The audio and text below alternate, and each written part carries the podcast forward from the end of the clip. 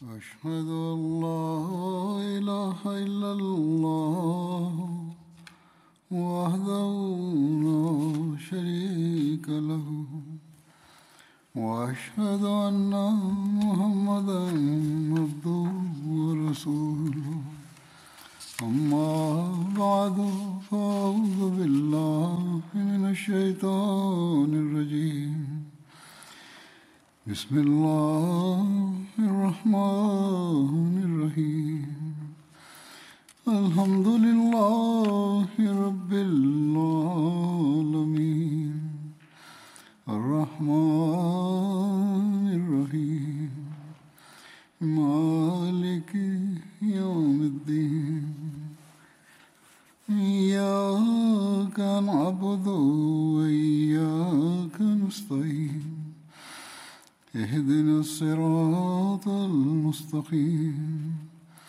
صراط الذين أنعمت عليهم غير المغضوب عليهم ولا الضالين.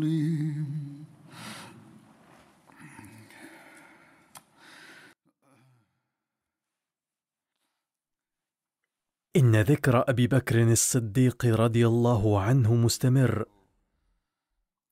فلقد ورد بهذا الخصوص عن حجة الوداع أن رسول الله صلى الله عليه وسلم خرج لها يوم الخميس في العاشر للهجرة. وقيل خرج يوم الأحد. على أي حال هناك رواية عن أسماء بنت أبي بكر الصديق رضي الله تعالى عنهما أنه لما أراد رسول الله صلى الله عليه وسلم حجة الوداع قال أبو بكر عندي بعير نحمل عليه زادنا. فقال رسول الله صلى الله عليه وسلم فذاك إذن.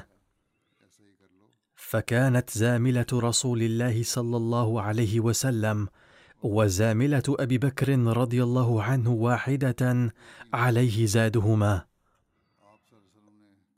وأمر رسول الله صلى الله عليه وسلم بزاد دقيق وسويق.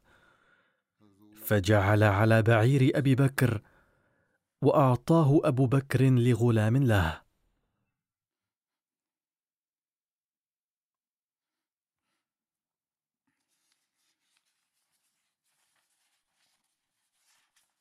عن أسماء بنت أبي بكر قالت خرجنا مع رسول الله صلى الله عليه وسلم حجاجا حتى إذا كنا بالعرج نزل رسول الله صلى الله عليه وسلم ونزلنا. فجلست عائشة إلى جنب رسول الله صلى الله عليه وسلم وجلست إلى جنب أبي وكانت زمالة أبي بكر وزمالة رسول الله واحدة كما مر ذكره. مع غلام لأبي بكر فجلس أبو بكر ينتظر أن يطلع عليه. فطلع وليس معه بعيره. قال أين بعيرك؟ قال أضللته البارحة. قال فقال أبو بكر بعير واحد تضله. قال فطفق يضربه ورسول الله صلى الله عليه وسلم يتبسم ويقول انظروا إلى هذا المحرم ما يصنع. قال ابن أبي رزمة فما يزيد رسول الله صلى الله عليه وسلم على أن يقول انظروا إلى هذا المحرم ما يصنع ويتبسم.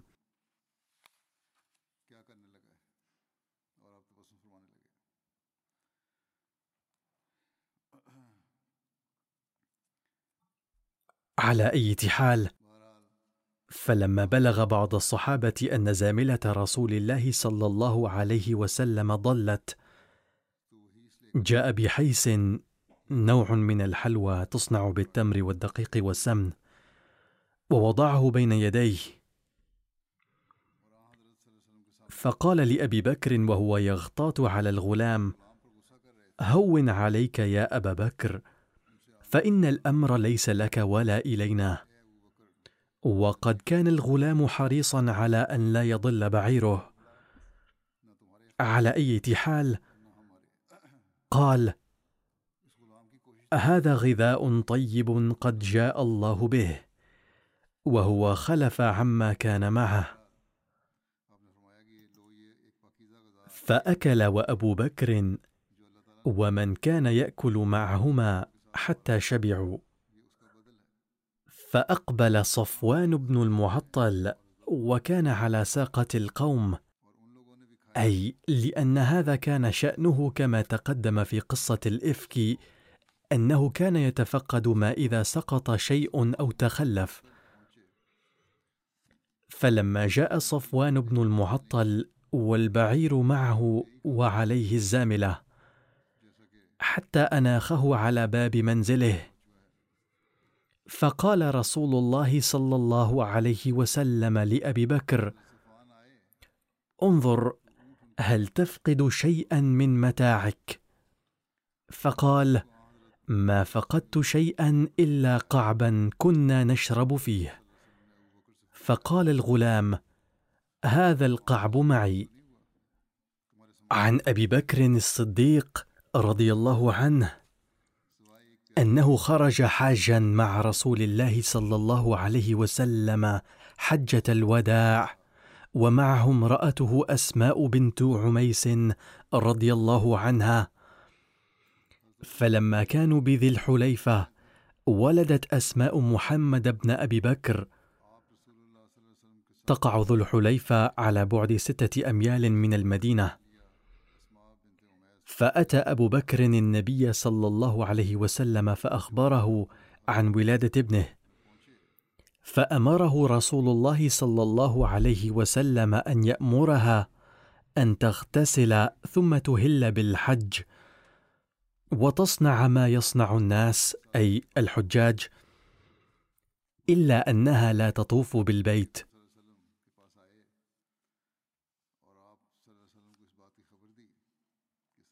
فلما مر رسول الله صلى الله عليه وسلم بوادي عسفان قال يا أبا بكر أي واد هذا؟ قال أبو بكر وادي عسفان. قال لقد مر به هود وصالح على بكرين أحمرين خطمهما ليف وأزرهم العباء وأرديتهم النمار يلبون يحجون البيت العتيق.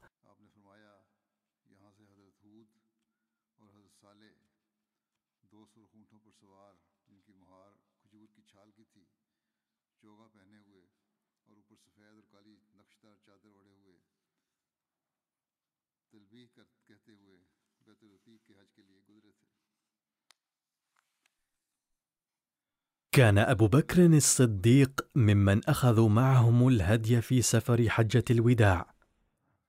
يقول أبو بكر رضي الله عنه لقد رأيت سهيل بن عمرو في حجة الوداع قائما عند المنحر يقرب لرسول الله صلى الله عليه وسلم بدنه ورسول الله ينحرها بيده. ثم دعا الحلاق فحلق رأسه وأنظر إلى سهيل يلقط من شعره وأراه يضعه على عينيه وأذكر امتناعه أن يقر يوم الحديبية بأن يكتب بسم الله الرحمن الرحيم فحمدت الله تعالى الذي هداه للإسلام فلما هداه الله تعالى فقد ازداد اخلاصا ووفاء يفوق تصورهما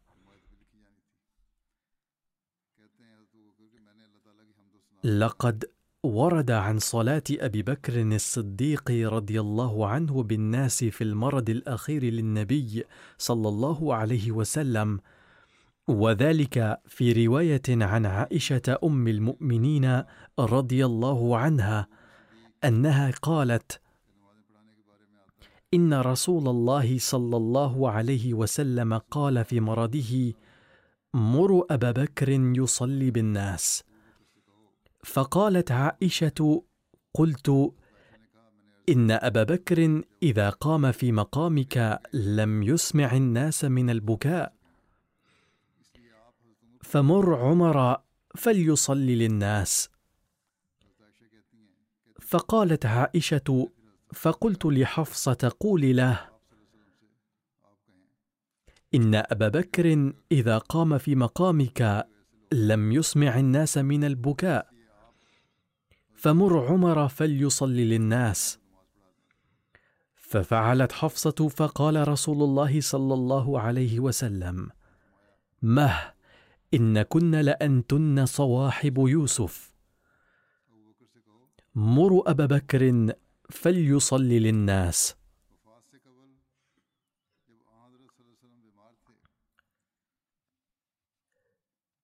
كان رسول الله صلى الله عليه وسلم عليلا قبل وفاته وكان أبو بكر غائبا. فقال بلال لعمر قم يا عمر فصل بالناس. فلما سمع رسول الله صلى الله عليه وسلم صوته في حجرته فقال رسول الله صلى الله عليه وسلم فأين أبو بكر؟ يأبى الله ذلك والمسلمون. فبعث إلى أبي بكر فجاءه بعد أن صلى عمر تلك الصلاة. فصلى بالناس طول علته حتى قبض رسول الله صلى الله عليه وسلم. عن عائشة قالت أمر رسول الله صلى الله عليه وسلم أبا بكر أن يصلي بالناس في مرضه فكان يصلي بهم قال عروة فوجد رسول الله صلى الله عليه وسلم في نفسه خفة فخرج فإذا أبو بكر يؤم الناس. فلما رآه أبو بكر استأخر فأشار إليه أن كما أنت. فجلس رسول الله صلى الله عليه وسلم حذاء أبي بكر إلى جنبه. فكان أبو بكر يصلي بصلاة رسول الله صلى الله عليه وسلم والناس يصلون بصلاة أبي بكر. كانت هذه الرواية من البخاري وهناك رواية أخرى عن أنس بن مالك الأنصاري.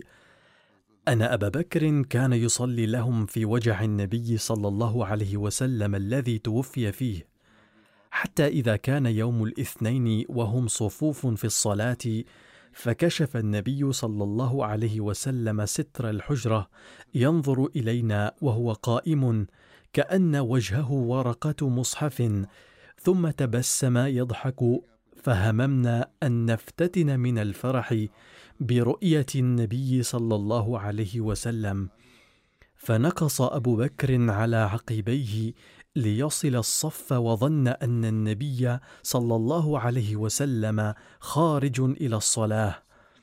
فأشار إلينا النبي صلى الله عليه وسلم أن أتموا صلاتكم وأرخى الستر فتوفي من يومه.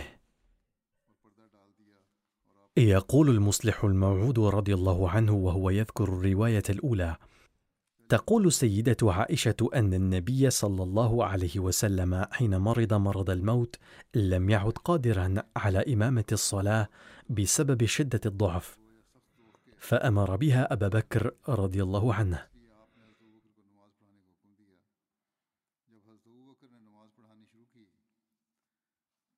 عندما بدأ أبو بكر بالصلاة شعر صلى الله عليه وسلم بشيء من التحسن وخرج للصلاة. تقول عائشة وجد النبي صلى الله عليه وسلم من نفسه خفة فخرج يهادى بين رجلين كأني أنظر رجليه تخطان من الوجع. فأراد أبو بكر أن يتأخر فأومأ إليه النبي صلى الله عليه وسلم أن مكانك. ثم أتي به حتى جلس إلى جنبه. وكان النبي صلى الله عليه وسلم يصلي وأبو بكر يصلي بصلاته والناس يصلون بصلاة أبي بكر.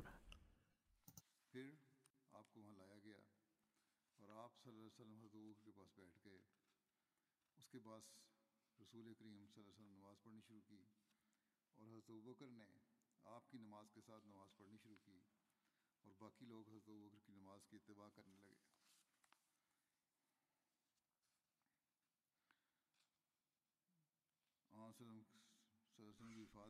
وقد ورد عن وفاة النبي صلى الله عليه وسلم في رواية عروة بن الزبير عن عائشة رضي الله عنها زوج النبي صلى الله عليه وسلم أن رسول الله صلى الله عليه وسلم مات وأبو بكر بالسنح.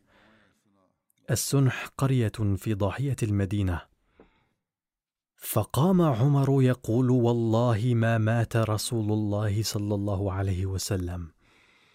قالت وقال عمر والله ما كان يقع في نفسي إلا ذاك وليبعثنه الله فليقطعن أيدي رجال وأرجلهم.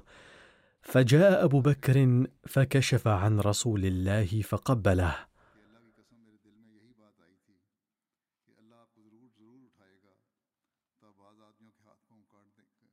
قال بأبي أنت وأمي طبت حيا وميتا والذي نفسي بيده لا يذيقك الله الموتتين ابدا. ثم خرج فقال أيها الحالف على رسلك. فلما تكلم أبو بكر جلس عمر فحمد الله أبو بكر وأثنى عليه وقال ألا من كان يعبد محمدا؟ فإن محمدا قد مات ومن كان يعبد الله فإن الله حي لا يموت. وقال إنك ميت وإنهم ميتون.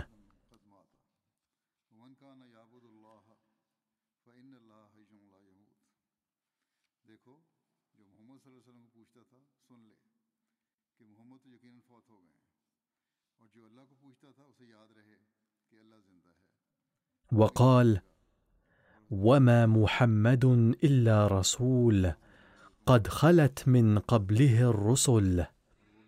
أفإن مات أو قتل انقلبتم على أعقابكم ومن ينقلب على عقبيه فلن يضر الله شيئا.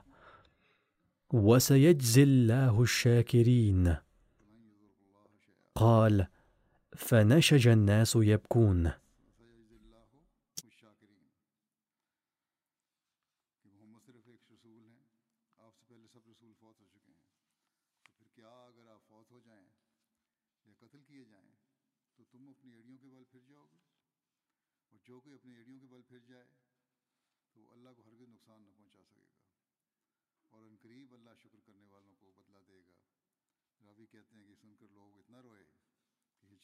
عن ابن عباس قال والله لكأن الناس لم يعلموا أن الله أنزل هذه الآية حتى تلاها أبو بكر فتلقاها منه الناس كلهم.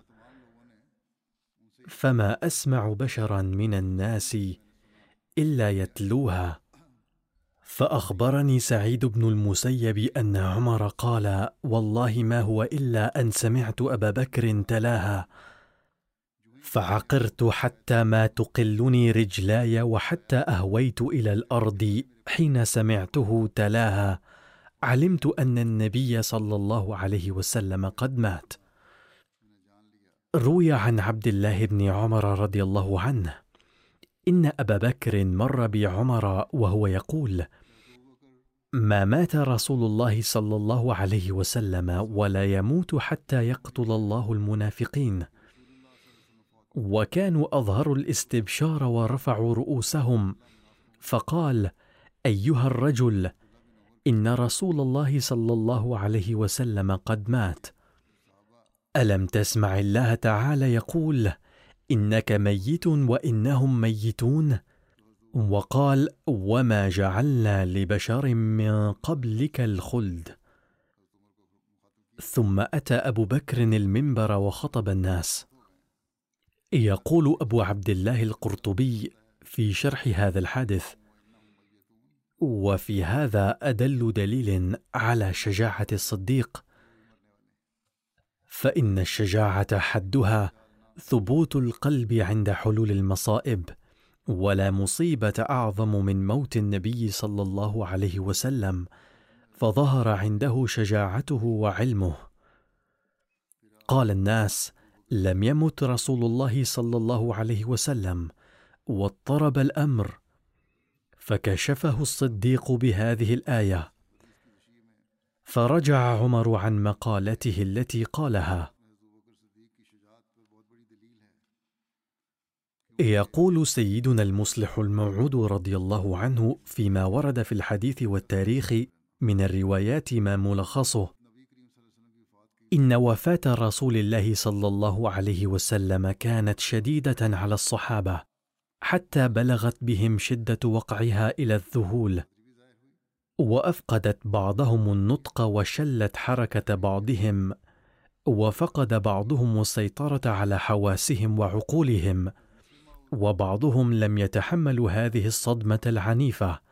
وذابت لها نفوسهم حتى توفوا في بضعة أيام.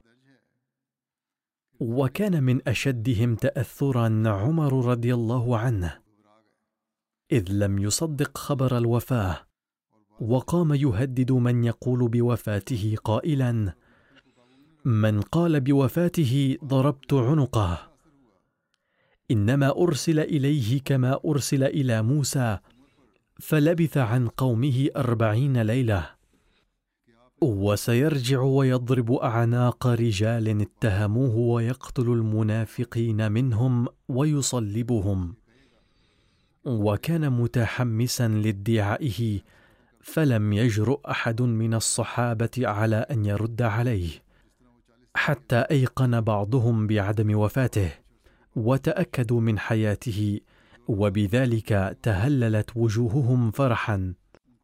فإذا برؤوسهم مرفوعة بعد أن كانت مطرقة.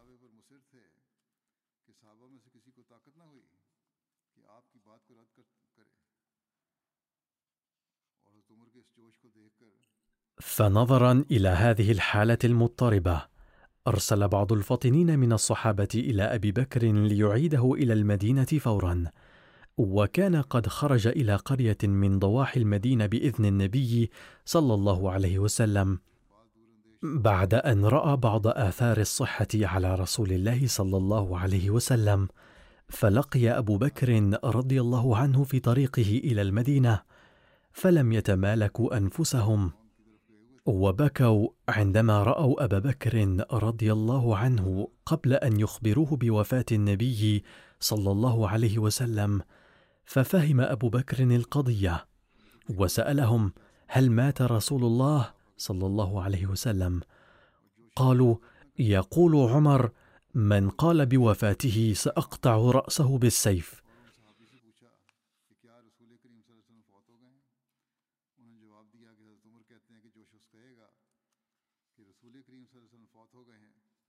فذهب أبو بكر إلى بيت النبي صلى الله عليه وسلم. وكشف عن وجهه وتأكد أنه قد مات في الحقيقة ثم أكب عليه فقبل جبينه ثم قال بأبي أنت وأمي والله لا يجمع الله عليك موتتين. قد أصيب العالم بموتك ما لم يصب بموت أحد من الأنبياء. إنك أسمى من الوصف والنعت.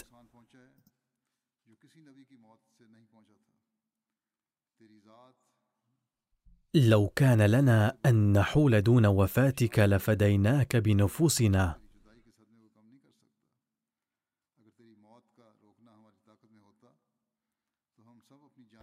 قال هذا ووضع الثوب عليه صلى الله عليه وسلم وجاء إلى حيث كان الصحابة جالسين في حلقة وعمر يقول أن النبي صلى الله عليه وسلم لم يمت بل هو حي.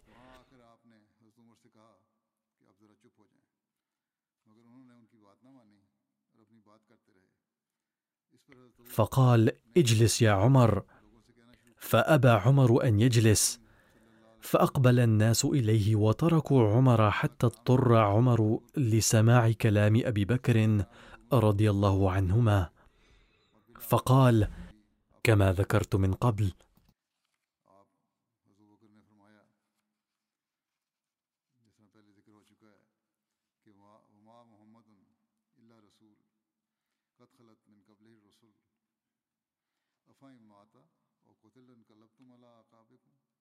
إنك ميت إنك ميت وإنهم ميتون يا أيها الناس من كان يعبد محمدا فإن محمدا قد مات ومن كان يعبد يقرأ حضرته الترجمة الأردية لهذه الآية یعنی محمد صلی اللہ علیہ وسلم بھی ایک رسول ہیں آپ صلی اللہ علیہ وسلم سے پہلے سب رسول فوت ہو چکے ہیں پھر اگر آپ فوت ہو جائیں یا قتل ہو جائیں تو کیا تم لوگ اپنی ایڑیوں کے بل پھر جاؤ گے تحقیق تو بھی فوت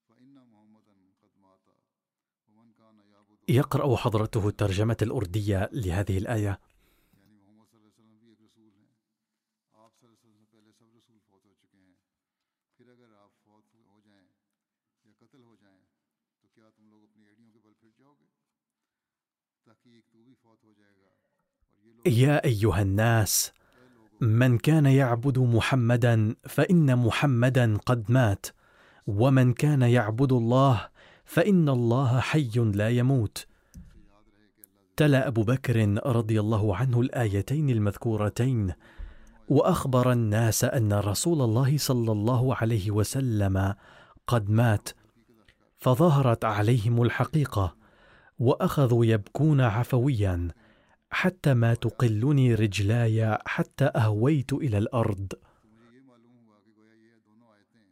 لقد تم أول إجماع للصحابة على هذا الموضوع فيقول سيدنا المصلح الموعود رضي الله عنه بهذا الشأن لقد مات الأنبياء جميعا قبل رسول الله صلى الله عليه وسلم بمن فيهم المسيح أيضا. عندما اضطرب المسلمون عند وفاة النبي صلى الله عليه وسلم حتى لم يقدروا على احتمال الصدمة سل عمر رضي الله عنه سيفه في هذه الحالة من القلق والاضطراب وقال من قال بوفاة رسول الله صلى الله عليه وسلم قطعت عنقه. لم يمت صلى الله عليه وسلم بل ذهب للقاء الله تعالى مثلما ذهب موسى عليه السلام وسيعود ويقتل المنافقين ثم يموت. هذا يعني أنه كان يعتقد أنه لا يمكن أن يموت النبي صلى الله عليه وسلم ما لم يهلك المنافقون كلهم. ولما كان المنافقون موجودين إلى يوم وفاته صلى الله عليه وسلم فكان عمر يظن أنه صلى الله عليه وسلم لم يمت. وفي هذه الأثناء جاء أبو بكر رضي الله عنه الذي كان قد ذهب إلى قرية قريبة خارج المدينة وذهب إلى بيت النبي صلى الله عليه وسلم ونظر إلى جسد النبي صلى الله عليه وسلم وعلم أنه توفي فعلا. ثم خرج قائلا لن يجمع الله تعالى على رسوله موتين موتا جسديا وموتا روحانيا. بحيث يفسد المسلمون معا بعد وفاته. ثم ذهب إلى اجتماع الصحابة وقال للناس أريد أن أقول شيئا. وكان عمر واقفا مع سيفه عازما أن الذي يقول أن محمدا رسول الله صلى الله عليه وسلم توفي لأضربن عنقه. قام أبو بكر رضي الله عنه وقال للناس من كان منكم يعبد محمدا فإن محمدا قد مات ومن كان منكم يعبد الله فإن الله حي لا يموت. ثم قرأ هذه الآية القرآنية التالية كما ذكرت من قبل وما محمد إلا رسول قد خلت من قبله الرسل أفإن مات أو قتل انقلبتم على أعقابكم؟ قال عمر رضي الله عنه لما قرأ أبو بكر رضي الله عنه هذه الآية عدت إلى صوابي وشعرت كأن هذه الآية نزلت الآن وظهر علي أن النبي صلى الله عليه وسلم قد توفي وارتعدت قدماي فوقعت على الأرض. بعد هذا قال المصلح الموعود رضي الله عنه هذا إجماع وحيد للصحابة لأن جميع الصحابة كانوا موجودين حينها وفي الحقيقة لم يات على المسلمين مثل هذا الوقت من قبل ولم يجتمع المسلمون هكذا ابدا.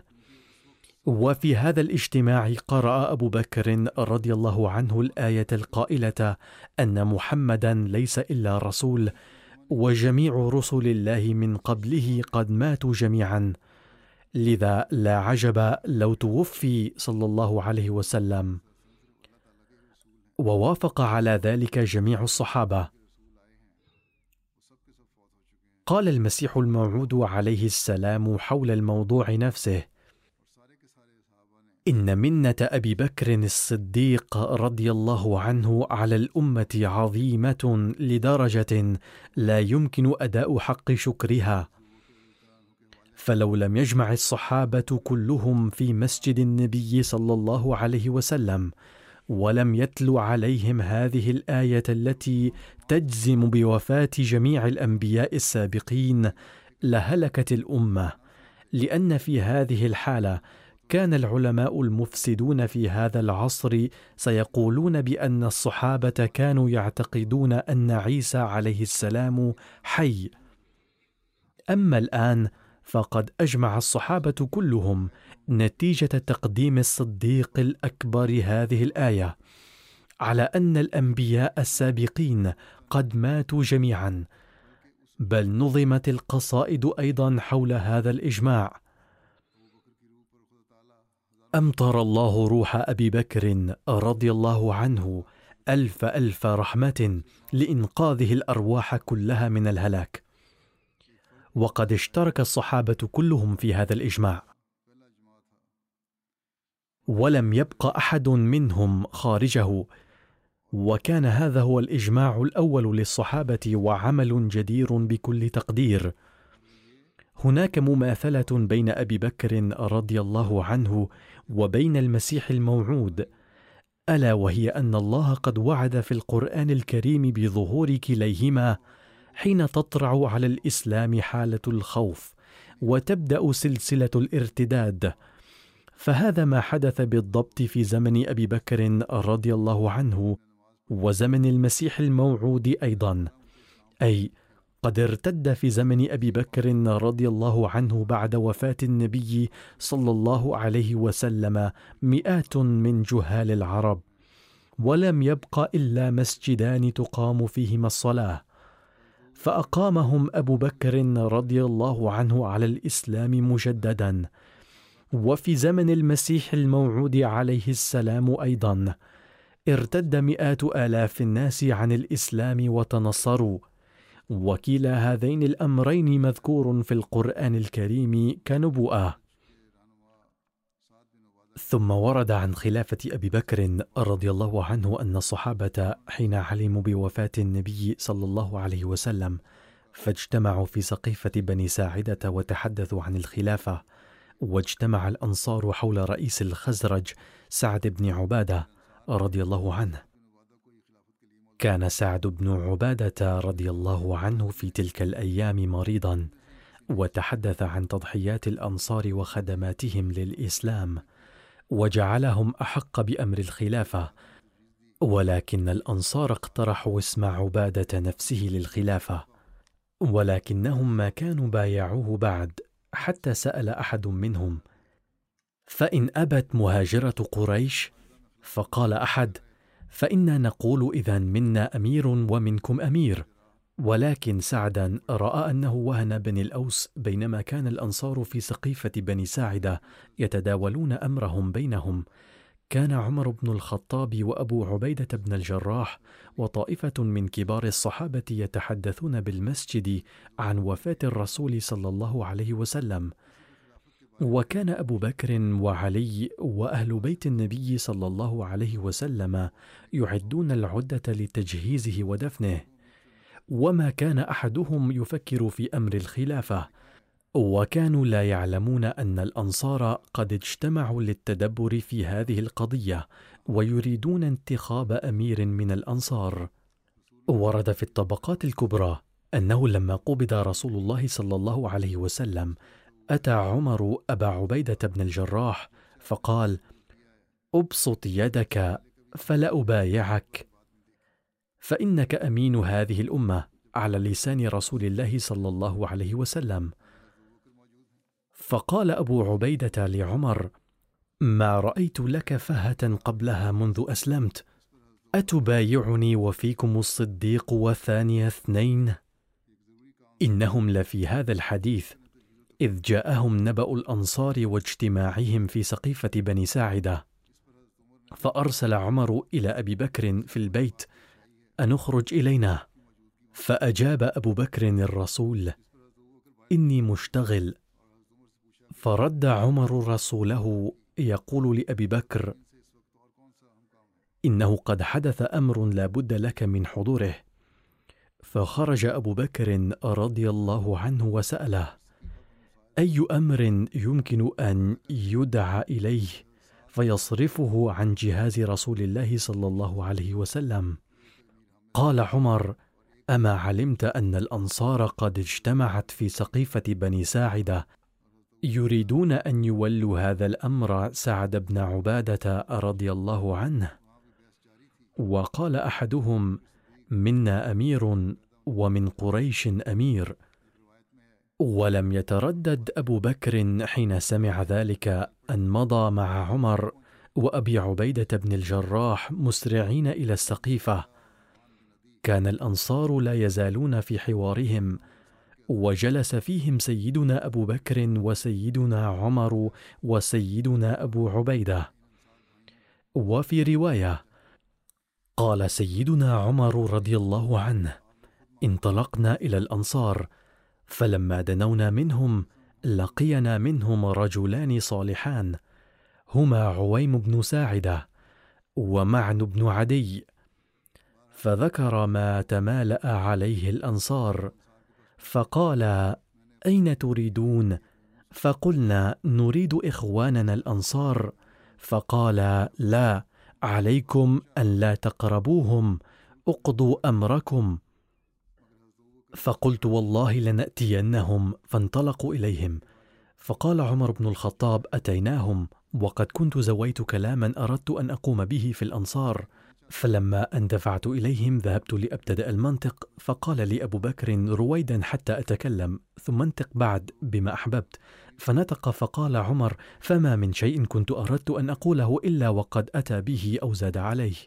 والخطاب الذي ألقاه سيدنا أبو بكر قال عنه عبد الله بن عبد الرحمن بدأ أبو بكر الخطاب فحمد الله وأثنى عليه. ثم قال إن الله بعث محمدا رسولا إلى خلقه وشهيدا على أمته ليعبدوا الله ويوحدوه وهم يعبدون من دونه آلهة شتى ويزعمون أنها لهم عنده شافعة ولهم نافعة وإنما هي من حجر منحوت وخشب منجور ثم قرأ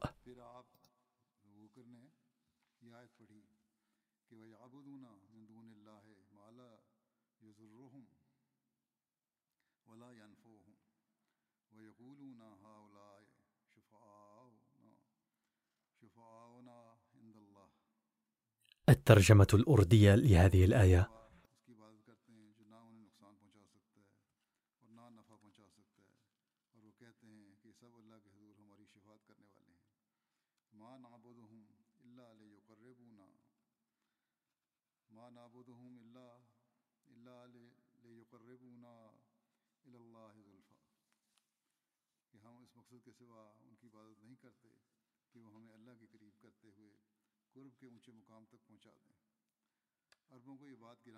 عظم على العرب أن يتركوا دين آبائهم فخص الله المهاجرين الأولين من قومه بتصديقه والإيمان به والمؤاساة له والصبر معه على شدة أذى قومهم لهم وتكذيبهم إياهم وكل الناس لهم مخالف زار عليهم.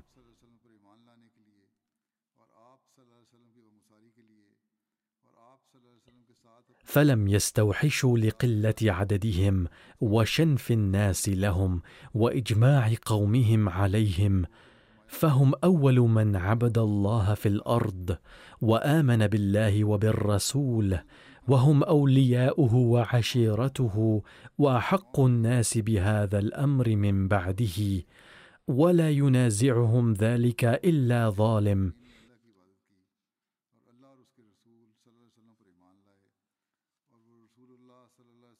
وأنتم يا معشر الأنصار من لا ينكر فضلهم في الدين ولا سابقتهم العظيمة في الإسلام رضيكم الله أنصارا لدينه ورسوله وجعل إليكم هجرته وفيكم جلة أزواجه وأصحابه. فليس بعد المهاجرين الأولين عندنا بمنزلتكم. فنحن الأمراء وأنتم الوزراء. لا تفتانون بمشورة ولا نقضي دونكم الأمور.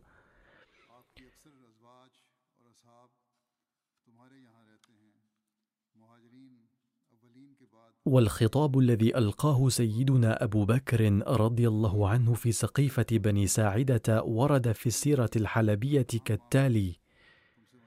فقال أما بعد فلم تعرف العرب هذا الأمر إلا لهذا الحي من قريش هم أوسط العرب نسبا ودارا. يعني مكة ولدتنا العرب كلها فليست منها قبيلة إلا لقريش منها ولادة ودارا. وكنا معاشر المهاجرين أول الناس إسلاما ونحن عشيرته وأقاربه وذو رحمه فنحن أهل النبوة وأهل الخلافة.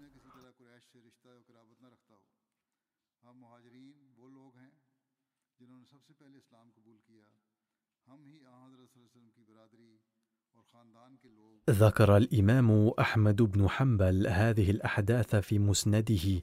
وذكر إنجاز أبي بكر رضي الله عنه وبعد أن ذكر أن سيدنا أبا بكر ألقى خطابا في المسلمين بعد وفاة النبي صلى الله عليه وسلم وأعلن أنه قد توفي أسرع أبو بكر وعمر رضي الله عنهما إلى سقيفة بني ساعدة حتى إذا وصل إليهم تكلم أبو بكر ولم يترك شيئا أنزل في الأنصار ولا ذكره رسول الله صلى الله عليه وسلم من شأنهم إلا وذكره. وقال ولقد علمتم أن رسول الله صلى الله عليه وسلم قال لو سلك الناس واديا وسلكت الأنصار واديا سلكت وادي الأنصار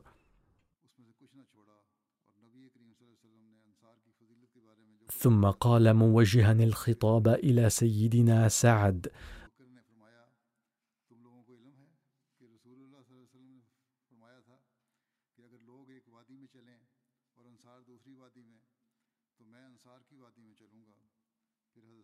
ولقد علمت يا سعد أن رسول الله صلى الله عليه وسلم قال وأنت قاعد قريش ولاة هذا الأمر فبر الناس تبع لبرهم وفاجرهم تبع لفاجرهم.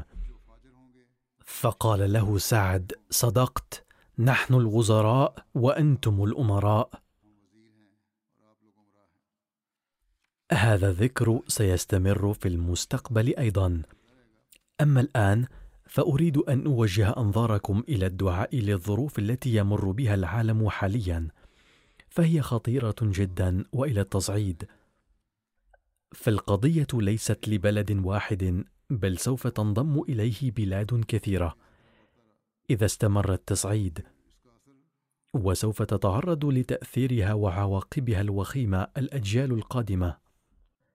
نسأل الله أن يوفقهم لمعرفته ولا يوفقهم للتلاعب مع أرواح الناس اشباعا لأهوائهم المادية. فلا نملك غير الدعاء والنصح. فندعو الله وننصحهم منذ مدة. وفي هذه الأيام يجب أن يدعو الأحمديون كثيرا بوجه خاص.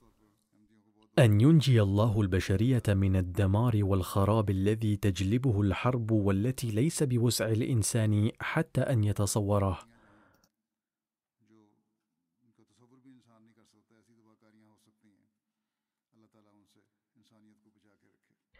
بعد الصلاة سأصلي جنازة الغائب على الداعية الأحمدي المرحوم خوشي محمد شاكر الذي توفي قبل أيام عن عمر يناهز تسعا وستين سنة. إنا لله وإنا إليه راجعون. وكان بفضل الله منخرطا في نظام الوصية. جاءت الأحمدية في عائلة المرحوم بواسطة جده حضرة المولوي كريم بخش الذي كان من أصحاب المسيح الموعود عليه السلام وكان بايع بعد مشاهدة آية الطاعون. كما كان أخو زوجته السيدة فضل بيبي حضرة الحاج محمد عبد الله قد نال سعادة البيعة على يد المسيح الموعود عليه السلام واسم حضرة الحاج محمد عبد الله مسجل في المجلد الثامن لتاريخ الأحمدية على رقم الثالث والعشرين ضمن قائمة صحابة المسيح الموعود عليه السلام. أما المرحوم خوشي محمد شاكر فقد نال شهادة الثانوية في عام 1969 ووقف حياته وسجل في الجامعة الأحمدية وتخرج فيها حاملا شهادة شاهد في عام 1977 وفي 78 نال شهادة الفاضل العربي وظل يخدم الجماعة. وفي عام 1987 نال شهادة الماجستير في العلوم الإسلامية.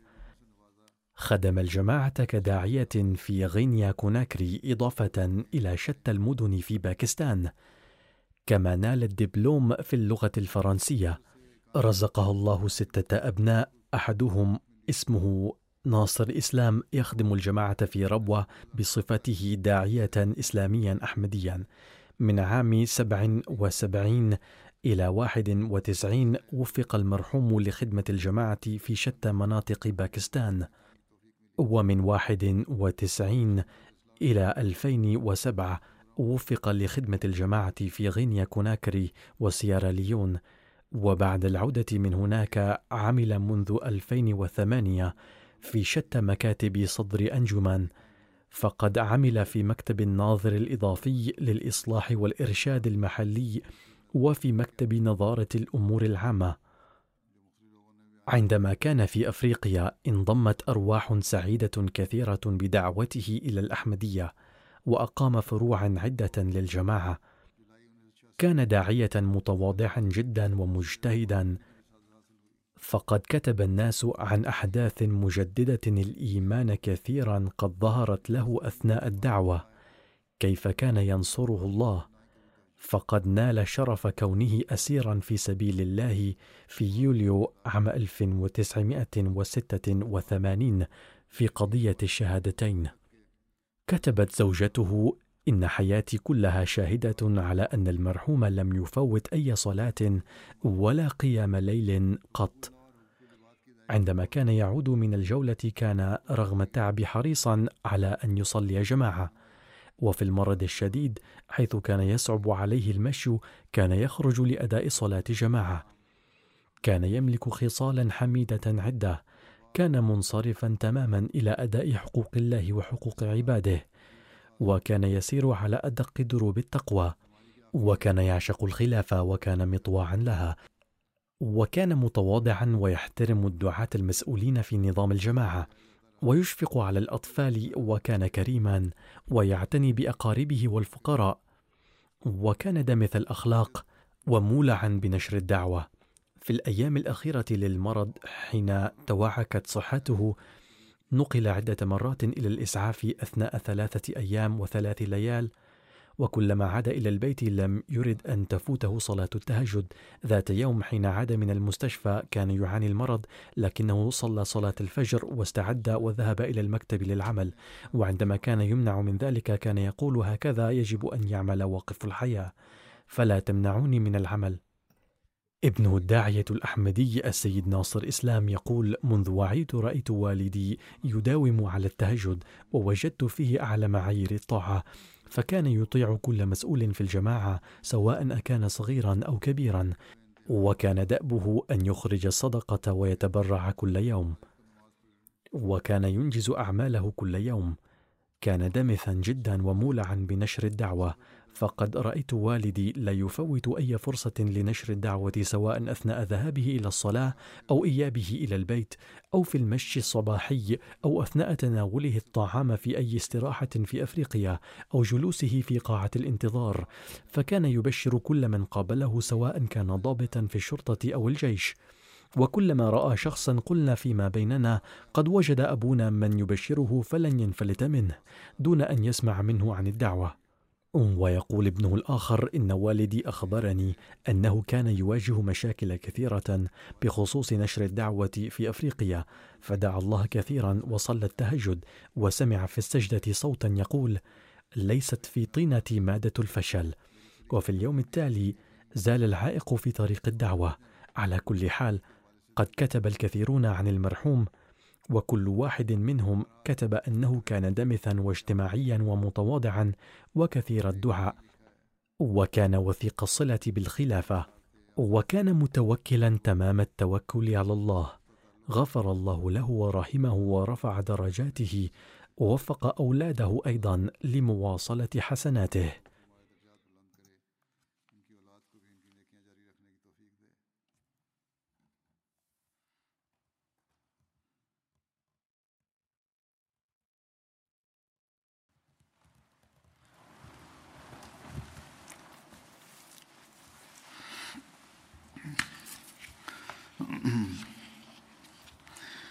الحمد لله الحمد لله نحمده ونستعينه ونستغفره ونؤمن به ونتوكل عليه ونعوذ بالله من شرور أنفسنا ومن سيئات أعمالنا. من يهده الله فلا مضل له ومن يضلل فلا هادي له. ونشهد أن لا إله إلا الله. ونشهد أن محمدا عبده ورسوله. عباد الله رحمكم الله. إن الله يأمر بالعدل واللسان وإيتاء ذي القربى وينهى عن الفحشاء والمنكر والبغي يعظكم لعلكم تذكرون. اذكروا الله يذكركم وادعوه وادعوه يستجب لكم. ولذكر الله أكبر.